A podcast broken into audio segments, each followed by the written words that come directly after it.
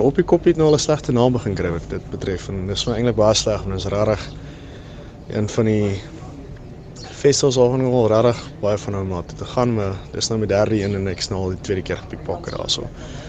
So ons gaan al van 2014 af op die toe wat vir ons groepe ongelooflike tyd is. Ehm um, ons het nog nooit gevalle gehad van enigiets wat gesteel is, enigiets wat aan ons gedoen is nie, niks nie. Ons het nog nooit 'n slegte gevoel gehad as jy daartoe stap nie. Maar hierdie oppie was vir ons heeltemal anders. Selfone blyk die teiken van die meeste sakkerollers te wees.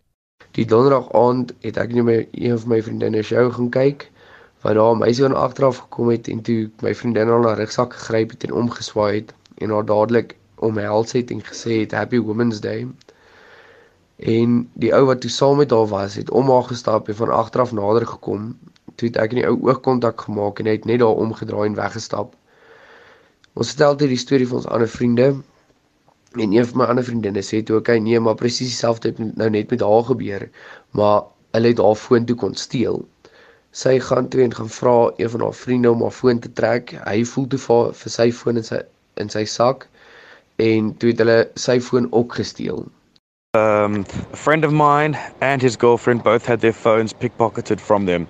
Uh, the story was particularly frightening with the girl because they, uh, some guy uh, basically embraced her and then got his hand on her belt and shook her around and tried to pull in to kiss her, freaked her out, and then basically tossed her to the side.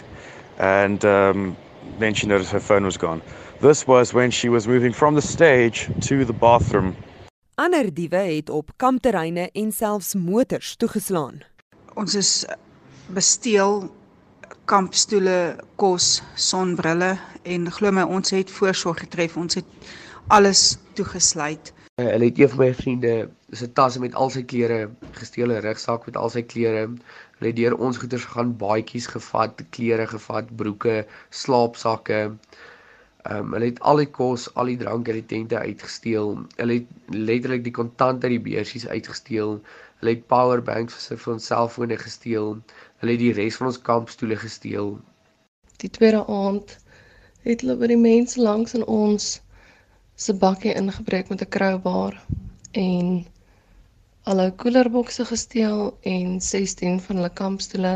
Hulle het ook daai aand 4 van ons kampstoele gesteel uh die volgende aand, die laaste aand.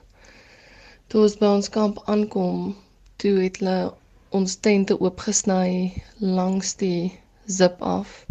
Vir baie van die feesgangers het die misdaad 'n reuse demper op die pret geplaas.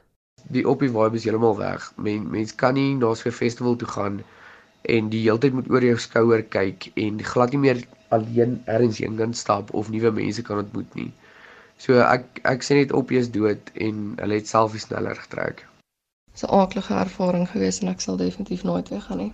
Eindelik wat dit beteken in beginsel is net dat op die koppie vir mense baie duurder fees uitwerk as jy 'n slagoffer van die tipe misdade is en of dit nou 'n kampstoel is wat gesteel word en of dit nou drank is wat gesteel word of meer ernstig wanneer dit selfone is wat gesteel word dit raak net 'n baie duurder fees Dit was die stemme van op die koppie feesgangers wat ook slagoffers van misdaad by die musiekfees was.